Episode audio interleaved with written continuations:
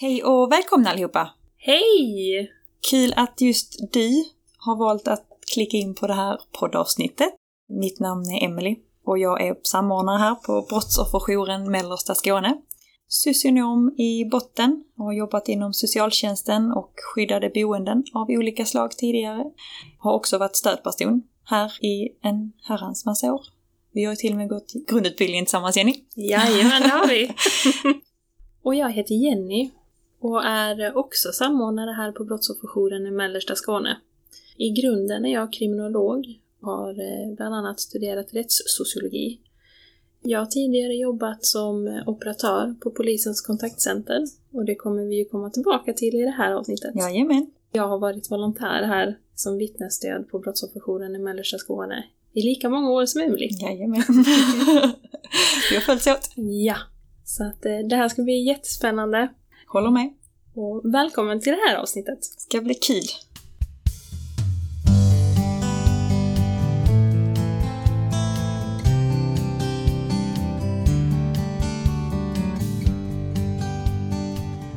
Och dagens avsnitt Jenny, vad är det vi ska prata om idag? Jo, idag hade vi tänkt prata om polisens kontaktcenter. Ja, där har du ju erfarenhet. Precis. Vad gör egentligen en operatör? Det är en bra fråga. Jag kan Mm. säga att innan jag lärde känna dig och innan du blev min kollega så hade jag ingen aning. Det var totalt nollställt. Man vet ju att det är någon som sitter och svarar när man ringer 114 14 men vad de gör och i den utsträckningen det hade man ju, man säger jag, ingen aning om i alla fall. Jag kan tänka mig att det kan ju vara generellt så. Jag vet inte vad du har för erfarenheter just med vad folk vet om operatörerna. Ja, det är ungefär detsamma som du nämner här. Att gemene man vet att det är någon som svarar, men vet ju inte mer än de frågor man själv har. Och när man ringer till polisens kontaktcenter så kan det ju vara allt möjligt. Det kan ju vara allt från att ha en fråga om trafikregler, till om polisens kontor har öppet, till att upprätta en polisanmälan, till att lämna ett tips. Ja, det är ju, verk, alltså verkligen allt. Jag menar öppettider och lämna in ett tips eller göra en anmälan. Det känns som helt olika samtal. Mm. Det måste ju vara otroligt varierande vad man får in som operatör på polisens kontaktcenter. Det är det verkligen. När det ringer och man tar emot ett samtal så kan man ju liksom inte förbereda sig. Nej. Det kan vara allt från ett informationssamtal till att det är ett pågående brott där en patrull ska skickas. Kan det vara så, eller lite sidospår, men att... Eller har du varit med om att de kanske skulle ringt 112, alltså larmnumret, men de ringer 114 14? Absolut, Mm. det har hänt. Jag tänker då ska man vara beredd på det också. Mm, Och då är det ju skarpt läge. det är det. Det är ju verkligen spännande och varierande. Mm. Vad har du mer att att berätta om polisens kontaktcenter för oss som inte har jobbat där? Ja, som operatör på polisens kontaktcenter så svarar du ju på 114 14. Men som medborgare, när du ringer till 114 14 så kommer du till ett telefonsvar där du med några ord beskriva ditt ärende. Ja, just det. ja. Så att då kan du antingen komma till anmälningsupptagningen, eller så kan du komma till växeln, eller så kan du komma till polisens ledningscentral. Så där är tre vägar så att säga. Precis. Okej. Mm. Så att det är lite beroende på vad du säger i det här telefonsvaret. Och vad är det man ska säga för att säga rätt? Det har ju hänt någon gång. Och det behöver inte vara polisens kontaktcenter man ringer, men en sån telefonsvar att man säger rätt ord och sen hamnar man någon helt annanstans. Framförallt om man har en dialekt som, som den här uppfattar. Kan det vara så att personer hamnar fel? Och kan ni då hänvisa eller koppla mellan varandra? Absolut. Är det så att man kommer fel, att man kommer till anmälningsupptagningen och man kanske egentligen skulle komma till sin handläggare, så hjälper ju vi till att koppla ut till växeln igen. Som kan koppla en vidare till sin handläggare. Och det är ju samma sak om det är så att man har kommit till polisens eh, kontaktcenter om man egentligen skulle komma till ledningscentralen. Så det är samma sak där. Att vi kan koppla vidare eller följa med samtalen till ledningscentralen också. Okej. Ja, så att det gör ingenting om man kommer fel helt enkelt. Nej. Det kan, det kan rättas till sen. Japp. Ja, ja men det är bra. Och om jag ska berätta lite grann om själva organisationen så finns PKC i sju olika regioner i Sverige. Och varje PKC jobbar individuellt. Och PKC är en förkortning på polisens kontaktcenter. Exakt. Och jag jobbade för PKC Syd, men det finns också PKC Väst, Öst, Mitt, Stockholm, Gotland, Bergslagen och Nord. Okej. Så i PKC Syd, där jobbar man teambaserat. Det vill säga att jag jobbar alltid med min grupp. Men så ser det inte ut generellt i de andra regionerna. Ja, Okej, så det kan se lite olika ut beroende på vilken region man tillhör. Exakt. Okej. Och då jobbade vi efter ett schema. Och som du vet Mm. så kan man ju komma till polisens kontaktcenter alla dygnets timmar. Jajamän. Så att därför eh, jobbar vi ju i skift. Så det är alltid någon som svarar.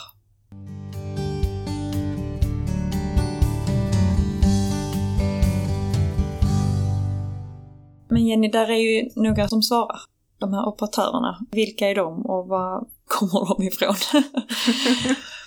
Jo, men så här är det ju att för att bli operatör hos polisens kontaktcenter så måste du gå deras grundutbildning. Och den är oftast sju veckor. Lite mer omfattande än vår. Ja. Ja. Den första veckan är eh, mycket information och liksom man får titta på lokalerna, sitta med och medlyssna och sådär och komma in i gruppen och i verksamheten. Sen följer det av fyra veckors intensiv utbildning där du får lära dig mer om brottsbalken, juridiken, samtalstekniker, du får lära dig om förhörstekniker, om hur du spärrar pass Mhm. till exempel. Ja. Ja, men med spårsäkring och polisiära arbetet helt enkelt. Men också om djur. Det är en stor del av en operatörs arbete. Bortsprungna hundar. Ah, bortsprungna djur. Okej, ja, jag tänkte Precis. vadå djur? Men inte att det är ett avsnitt med djur. För det kanske man tänker att som operatör på polisens kontaktcenter så måste jag lära mig det. Det är kanske mer det du sa innan som samtalsmetod och, och juridik och så man, man tänker på, inte så mycket djurhantering. Jag tänker, vi är ju ganska partiska när det gäller brottsutsatta och anhöriga vittnen. Kommer det in någonting i grundutbildningen eller när du gick den? Absolut, det, det pratade man om.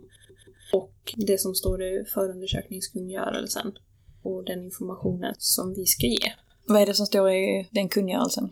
Ja, men det är bland annat det här att fråga om målsägarbiträde, om det finns grund för det, och om målsäganden vill komma i kontakt med brottsofferjouren eller ett annat stöd, som kvinnojouren eller stöd inom kommunen och sådär. Mm.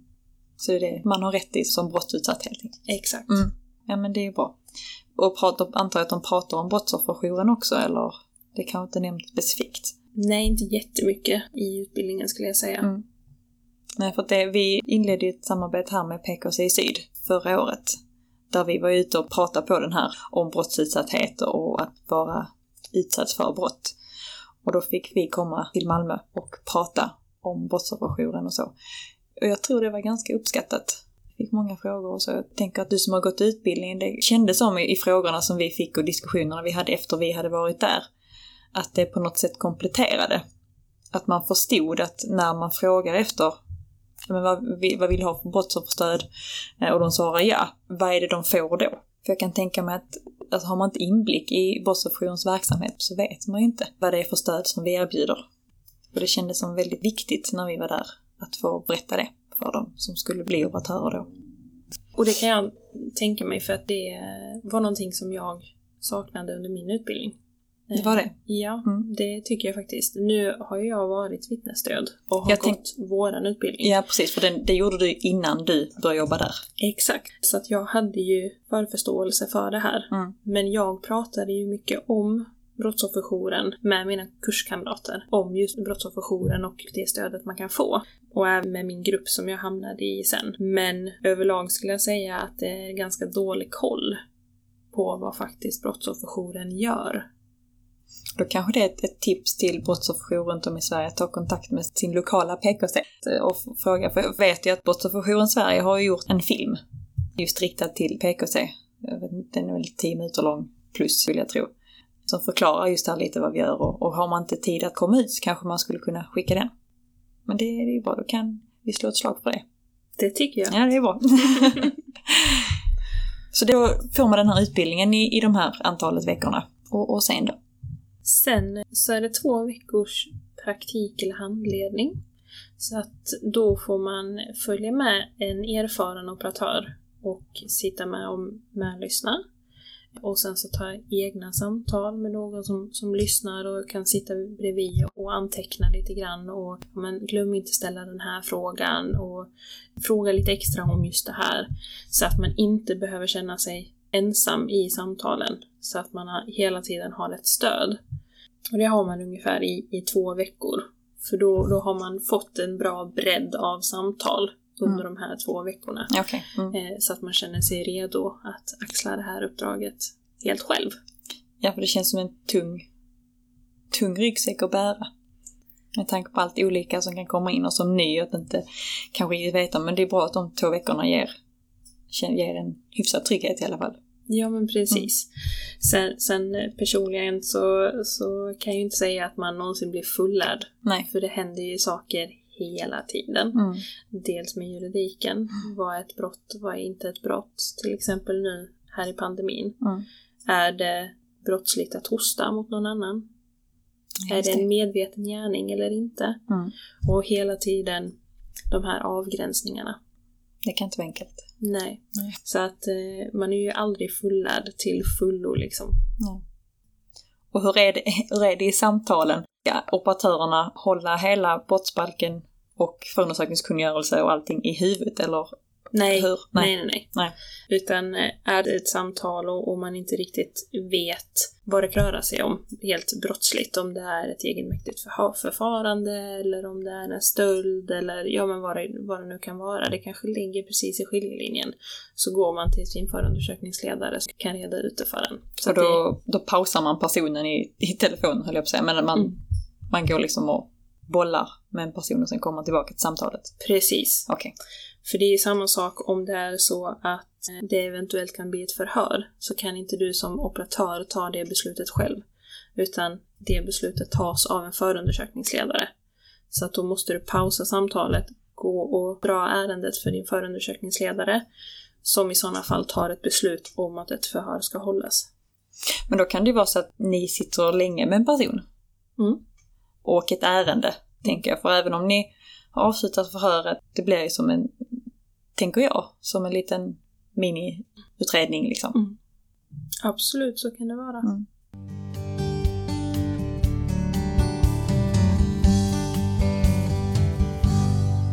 Men ska vi dra lite grann om vad en PKC-operatör gör till exempel? Absolut. Mm. Shoot. Det kan ju vara anmälningsupptagning mm. såklart. Det är ju den främsta uppgiften skulle jag säga. Det är, det är nog majoriteten av samtalen. Är att, att det har hänt någonting och inringaren vill upprätta en polisanmälan. Men det kan också vara information och service, vart man kan vända sig någonstans. Till exempel till Länsstyrelsen eller Transportstyrelsen eller tipshantering. Om till exempel du känner att det, det luktar lite cannabis i trappuppgången så kan du ringa och, och tipsa polisen om att vid den här och den här tiden så, så brukar det lukta lite konstigt i våran trappuppgång. Och då kan man antingen tipsa anonymt eller med namn och telefonnummer om det är så att lokalpolisen vill kontakta dig och ställa lite kompletterande frågor till exempel. Och sen spärrar vi ju pass om det är så att du har tappat bort det i, flytten eller om det har blivit stulet. Vi håller målsägande och vittnesförhör. Inte misstänkt förhör? Nej. Nej. Det gör handläggaren i sådana fall.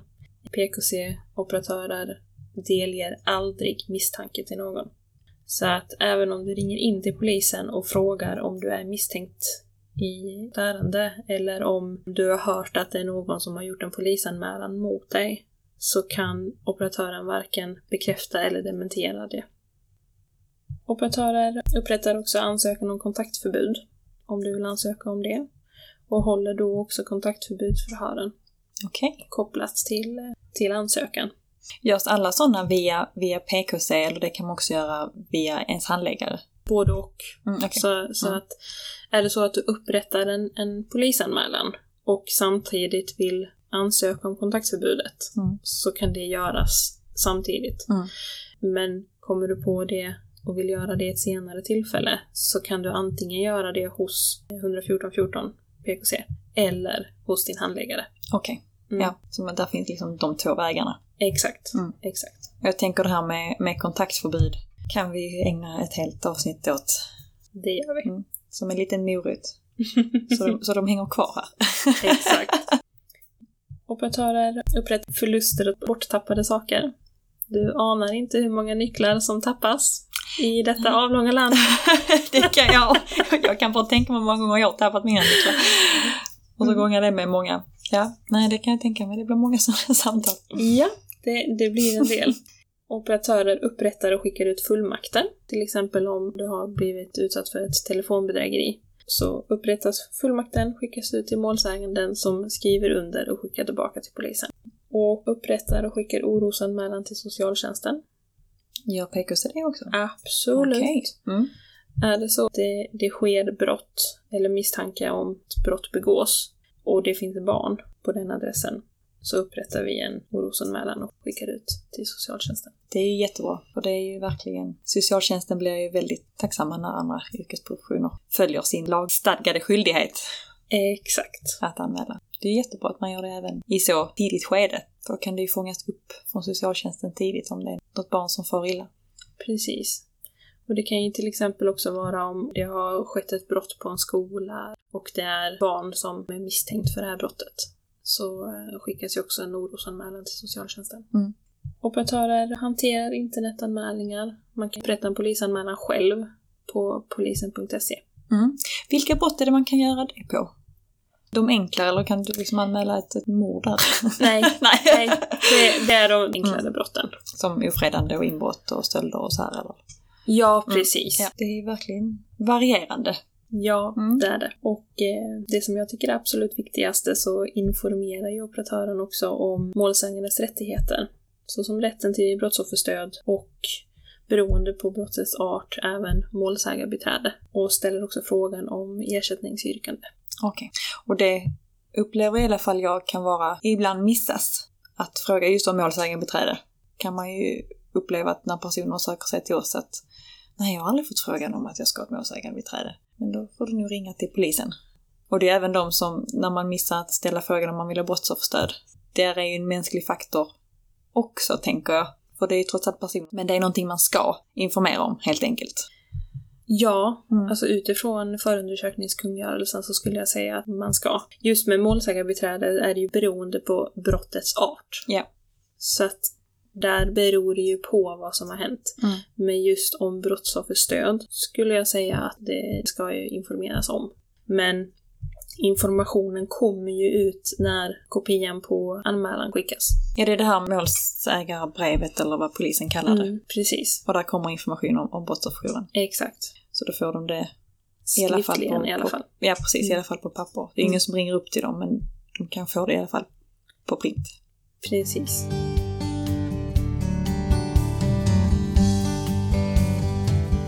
Och jag tänker, nu har du presenterat en hel gott och blandat på oss här med, med arbetsuppgifter. En telefonoperatör, vad måste vara för utbildning? Är det vem som helst som kan sätta sig och ta emot samtal? Ja, egentligen så räcker det med en komplett gymnasieutbildning. Okej. Men du måste ju gå polisens kontaktcenters grundutbildning. Men många, jag skulle nog säga majoriteten, har en högskole eller universitetsutbildning också. Och det kan vara, behöver liksom inte vara kriminolog som du är, eller jag tänker juridikstuderande eller så, utan det kan vara liksom vem som helst. Så länge man passar för jobbet. Precis. Mm. Det är inget krav på Nej, utbildning så. nej, inte mer än gymnasiekompetens. Och det som är viktigt att ta med sig nu när vi har rabblat och dratt en hel lång lista här, det är Lång, ju lång, att lång lista. Alla samtal som kommer in till 114 14 är ju unika händelser. Som operatör vet man inte vad nästa samtal handlar om. Och det är ju därför också alla anmälningsupptagningar kan se olika ut. Och frågor kan ställas på olika sätt. Och det är ju beroende på vad som har hänt och personen som man har på andra sidan telefonluren. Det är inte alltid att personen är mottaglig för all information. Jag tänker det är lite liknande samtalen hos oss. Det är unika ärenden. Ett inbrott är inte likt ett inbrott. En misshandel är inte lik en annan misshandel. Allt beror ju på personen som har blivit utsatt, omständigheterna där. Jag tänker även på PKs det då om det är förhör. och liknande beror också på personen som svarar. För det var ju som vi konstaterade innan, det är inga maskiner som sitter där. Det är ju människor trots allt. Precis. Mm.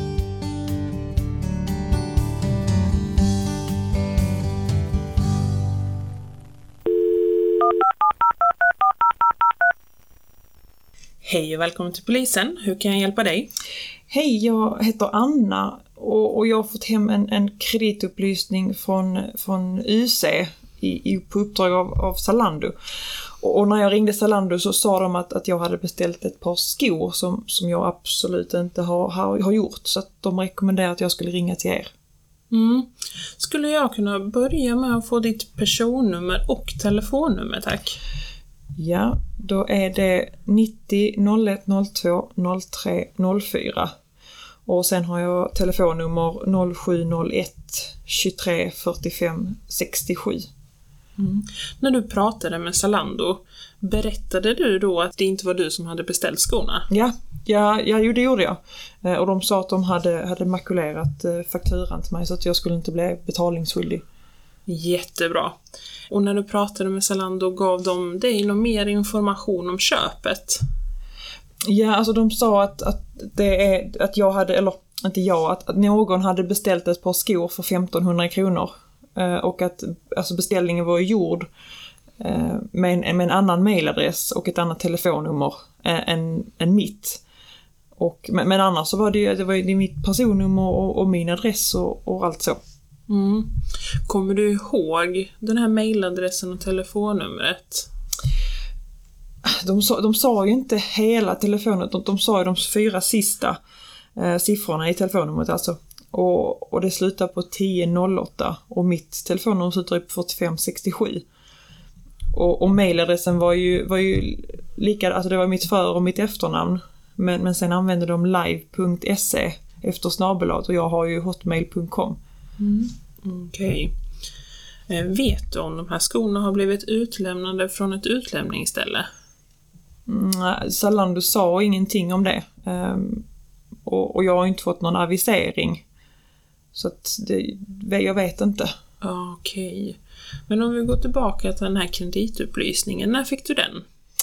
Jag fick kreditupplysningen i onsdags. Mm.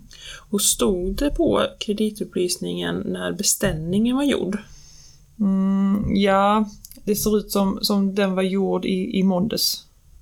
Och jag, alltså jag funderar på hur, alltså hur, hur, hur kan de ha fått tag på mitt personnummer?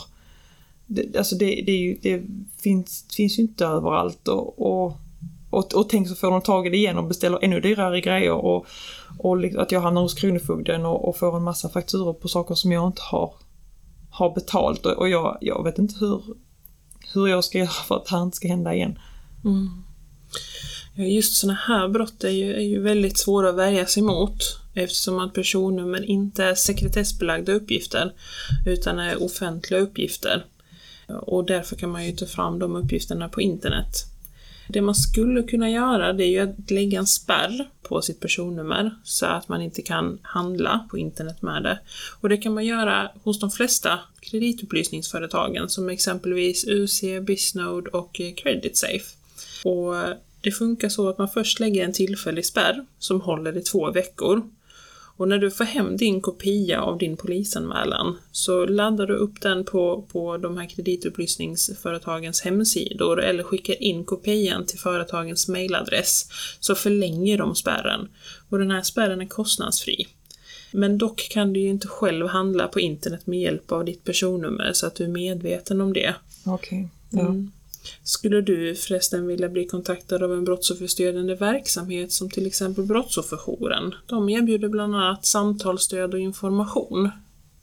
Ja, men det hade kanske inte varit så, så dumt. Mm, superbra. Då, då kommer jag lämna dina kontaktuppgifter till din lokala brottsofferjour så kommer de att kontakta dig. Och jag kommer skriva en anmälan gällande två brott. Det ena är ett bedrägeri och det andra är en olovlig identitetsanvändning i och med att gärningspersonen har använt ditt personnummer för att begå det här brottet. Eh, och just brottet olovlig identitetsanvändning ligger under enskilt åtal eh, och är därför ett angivelsebrott. Och jag skulle därför behöva be dig om en åtalsangivelse. Och det betyder mer eller mindre att du anger brottet till åtal och ger polisen ditt medgivande till att utreda brottet. Ja, ja självklart vill jag att det, det ska utredas, ab- absolut. Jättebra. Eh, Har du något ersättningsyrkande? Nej, eller alltså jag har inte blivit av med några pengar. Och så jag vet inte, alltså det är, jobb, det, är, det är jobbigt här att ha blivit utsatt men, men jag har inte blivit av med några, några pengar så jag, vet, jag vet inte riktigt. Okej. Du skulle kunna fundera på det och är det så att du ångrar dig så är det bara att ringa tillbaka till oss så antecknar vi ditt ersättningsyrkande då. Har du några frågor kring ersättningsyrkande, vad man kan begära eller, eller liknande frågor så kan du ringa till Brottsoffermyndigheten. Okej, ja då ska jag göra det i så fall. Skulle jag kunna få din mailadress också? Ja, absolut. Det är anna.ansson.hotmail.com. Och vill du ha en kopia hemskickad och få information om ärendet? Ja, alltså kopia på anmälan då. Det vill jag jättegärna ha. Mm. Stämmer det att du bor på Villavägen 1, 222 22 Villan? Ja, precis. Det stämmer. Jättebra. Då kommer jag att färdigställa din polisanmälan och sedan kommer skickas ut en kopia till dig. Och den kommer trilla ner i din brevlåda om cirka 5-10 arbetsdagar. Eh, har du några fler funderingar eller frågor? Nej, det, nej det, det tror jag att jag inte har. Ehm, tack, tack så mycket för hjälpen. Inga problem. Då får jag önska dig en trevlig dag här trots omständigheterna. Ja, tack så mycket. Hej då. Hejdå!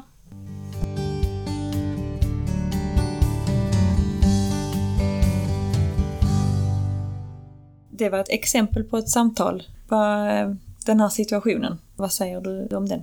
Ja, alltså just det här med identitetsbedrägeri så kan det ju vara så att målsäganden inte riktigt vet vad man ska göra och ringer polisen direkt när man har fått hem en eh, kreditupplysning från ett kreditupplysningsföretag och vill polisanmäla det och inte riktigt vet vad som är köpt eller ifrån vilket företag och då blir det svårt att upprätta en komplett anmälan.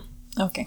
Och då kan operatören uppmana inringaren att ringa till företaget, kolla upp vilket företag som har begärt kreditupplysningen och ringa det företaget för att makulera köpet. Men också undersöka vilka uppgifter som gärningspersonen använt sig av när beställningen gjordes. Det kan ju vara så att gärningspersonen har lämnat telefonnummer som målsäganden inte känner igen. Det kan också vara så att gärningspersonen har lämnat en mailadress som är helt okänd för målsäganden. Och det är ju bra uppgifter att få in redan vid anmälningsupptagningen. För då har ju handläggaren någonting att jobba på.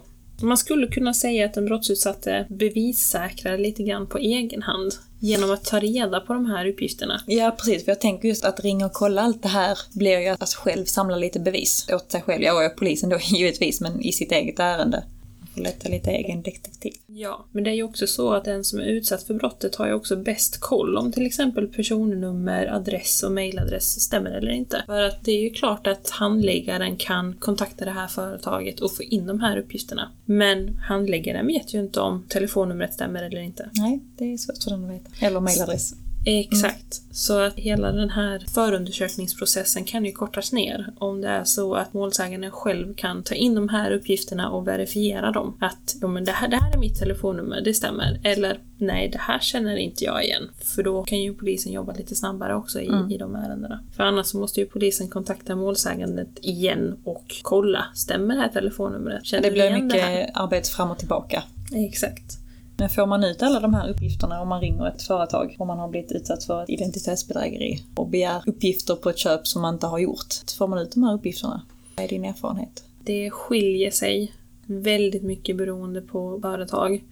Och det har ju blivit mer och mer sedan GDPR att privatpersoner inte får ut de här uppgifterna. Men ofta så får man i alla fall ut en bit av telefonnumret, slutet av telefonnumret till exempel. De fyra sista siffrorna. Och redan där kan man ju verifiera om man känner igen det eller inte.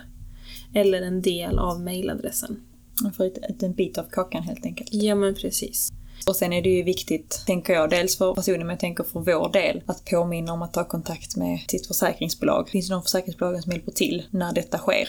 Med att spärra personnummer och liknande för ett tag i alla fall. Så man tänker på det också. Men jag tänker det kommer inte polisen ihåg att informera det så kan ju vi på brottsofferjouren göra det. För att det går ju att spärra personnumret. Det är ju väldigt mäckigt men det kan ju vara värt det.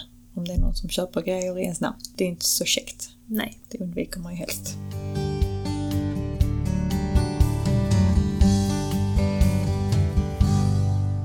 I samtalet, Jenny, pratar de ju också om åtalsangivelse. Svårt ord. Vad betyder det? Det är någonting som är svårt. Det är inte bara ett svårt ord, det är en svår innebörd också.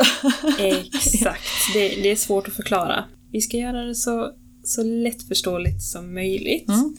De flesta brott hör ju under allmänt åtal.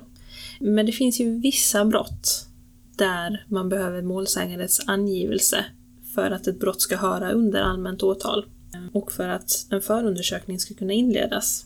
Det är de här som kallas för angivelsebrotten.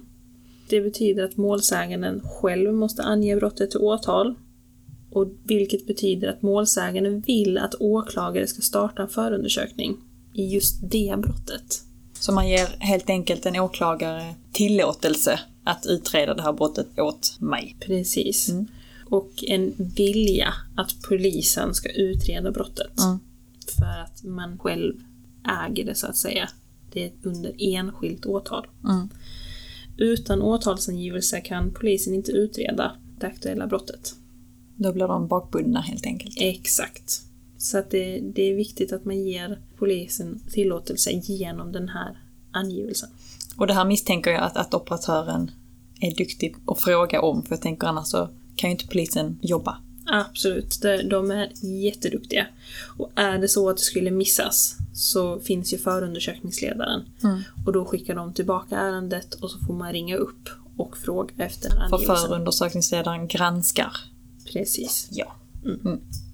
Och om vi ska prata lite grann om skillnaden mellan allmänt och enskilt åtal. Ja tack. Brott som ligger under allmänt åtal är brott som väcks av en åklagare för det allmännas, det vill säga samhällets räkning. Att det ska finnas en, en nytta för samhället att utreda de här brotten. Det, det kan ju vara till exempel bedrägeri, misshandel, våldtäkt, ofredanden, stölder. Och sen så finns det ju enskilt åtal. Och det är ju det som är lite klurigt. Mm. Och det är ju åtal som väcks av en enskild person, det vill säga målsäganden, och inte av åklagaren. Och det är ju vissa brott. Och det är ju bland annat ärekränkningsbrotten, som förtal och förolämpning, som inte får åtalas av åklagaren utan lov av den som brottet riktar sig mot. Ska vi ta några av de vanliga angivelsebrotten kanske? Det tycker jag. Ja. Då är det ju först och främst de som jag nämnde här först. Ärekränkningsbrotten som förtal och förolämpning. Mm. Men det är också hemfridsbrott, olovlig identitetsanvändning.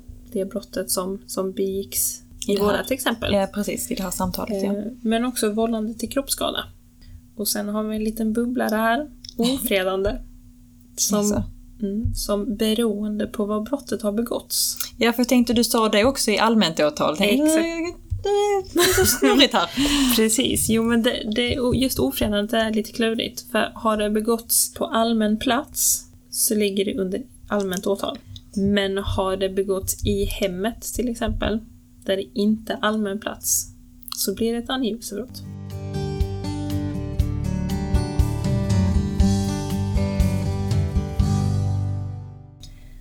Nu hoppas vi att ni har lärt er lite mer om vad PKC gör och, och vad en, framförallt en operatör gör.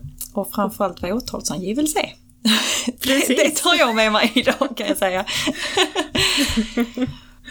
Förhoppningsvis så har det här gett er någonting nytt att kunna använda i, i era uppdrag. Och jag tänker att är det så att, att de har några frågor, Jenny, då kanske de skulle kunna mejla oss Absolut. på info at mskane, alltså m och sen Skåne utan å, med ett a istället, .boy.se. Ska vi upprepa det? info at mskane.boy.se. Och så svarar vi väl så, så snart vi kan. Mm. helt enkelt. Med det vill, vill vi tacka för oss och Ja. det här avsnittet. Tack allihopa!